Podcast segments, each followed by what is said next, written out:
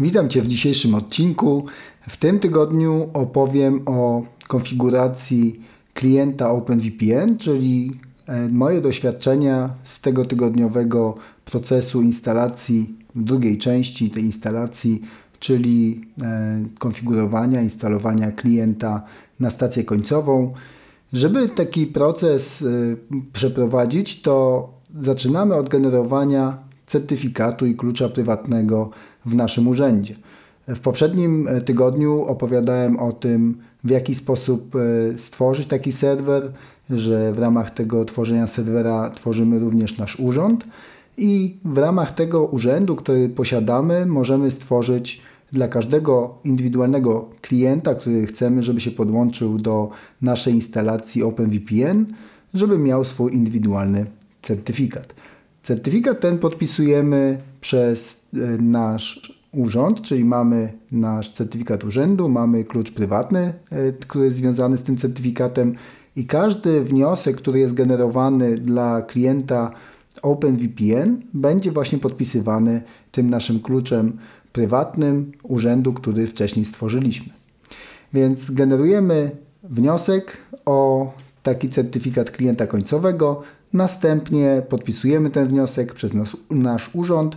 W wyniku otrzymujemy certyfikat klienta. Kolejnym krokiem jest skopiowanie e, kilku plików, które nam są potrzebne do stworzenia konfiguracji tekstowej klienta końcowego. E, konfigurację tworzy się w pliku, który jest rozszerzeniem OVPN e, i zaczynamy od template'u, czyli po prostu kopiujemy sobie z naszej paczki OpenVPN z odpowiedniego miejsca kopiujemy taki plik tekstowy, a następnie ten plik tekstowy modyfikujemy. I żeby go zmodyfikować, to oczywiście mm, wprowadzamy tam kilka parametrów, które są specyficzne dla naszej instalacji, e, ale między innymi trzeba w tym pliku konfiguracyjnym wskazać plik certyfikatu naszego urzędu, certyfikatu klienta, klucza prywatnego klienta i klucza dodatkowo e, zabezpieczającego symetrycznego klucza TA, który służy do szyfrowania pakietów e, negocjacji pomiędzy klientem a serwerem.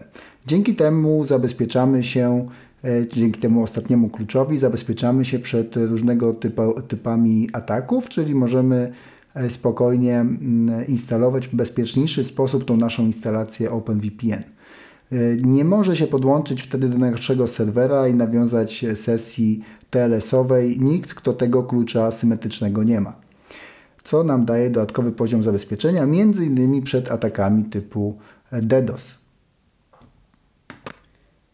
No dobrze, to mamy już w takim razie y, nasze wszystkie pliki w jednym katalogu. Najczęściej y, można to wykonać, taką zalecenie takie daje, wykonać na serwerze, czyli Mając cały zbiór plików e, w jednym katalogu, ja stworzyłem sobie taki katalog Students w moim akurat e, przypadku i w mojej instrukcji i tam umieszczam następujące pliki. Katalog zawiera certyfikat urzędu, certyfikat klienta, klucz prywatny klienta, klucz TA i konfigurację tekstową z rozszerzeniem OVPN.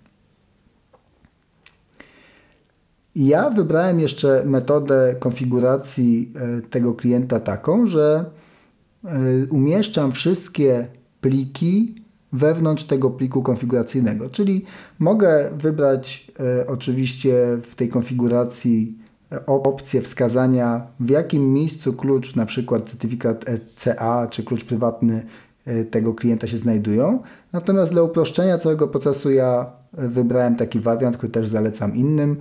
E, jeżeli chcą uprościć e, ten cały proces instalacji e, i konfiguracji klienta końcowego, umieścić wszystko w jednym pliku. I robi się to w ten sposób, że kopiujemy po prostu całą zawartość poszczególnych plików, czyli certyfikat CA, certyfikat klienta, klucz prywatny klienta, klucz prywatny TA. Te wszystkie rzeczy kopiujemy, robimy tagi w naszym pliku OVPN i wklejamy w odpowiednie miejsca odpowiednią zawartość. E, jeżeli jesteś ciekaw dokładnie jak to zrobić, to e, oczywiście możesz e, otworzyć sobie instrukcję wideo, którą stworzyłem w tym tygodniu. Jeżeli chcesz sobie jeszcze bardziej uprościć i móc skopiować poszczególne polecenia, to umieściłem też taką instrukcję na moim blogu w formie tekstowej, którą możesz łatwo skopiować i użyć w swoim przypadku.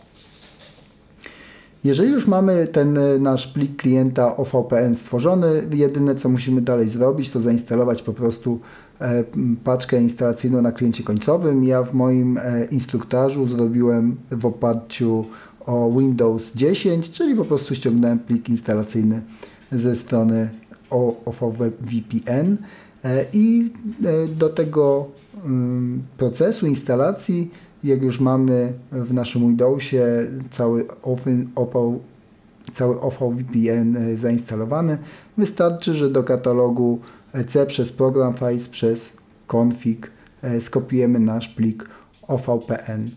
Jeżeli wszystko zrobiliśmy prawidłowo, czyli mamy właściwy adres serwera zdalnego podany, to możemy spokojnie uruchomić e, z prawym klawiszem, klikając na ikonkę e, OpenVPN-a. Możemy uruchomić e, opcją Connect i cały proces powinien sprawnie przebiec. Na dzisiaj to tyle. Jeżeli masz jakieś pytania, to oczywiście zachęcam do napisania w komentarzu. Jeżeli nie, to e, żegnam Cię, życzę miłego weekendu i słyszymy się za tydzień.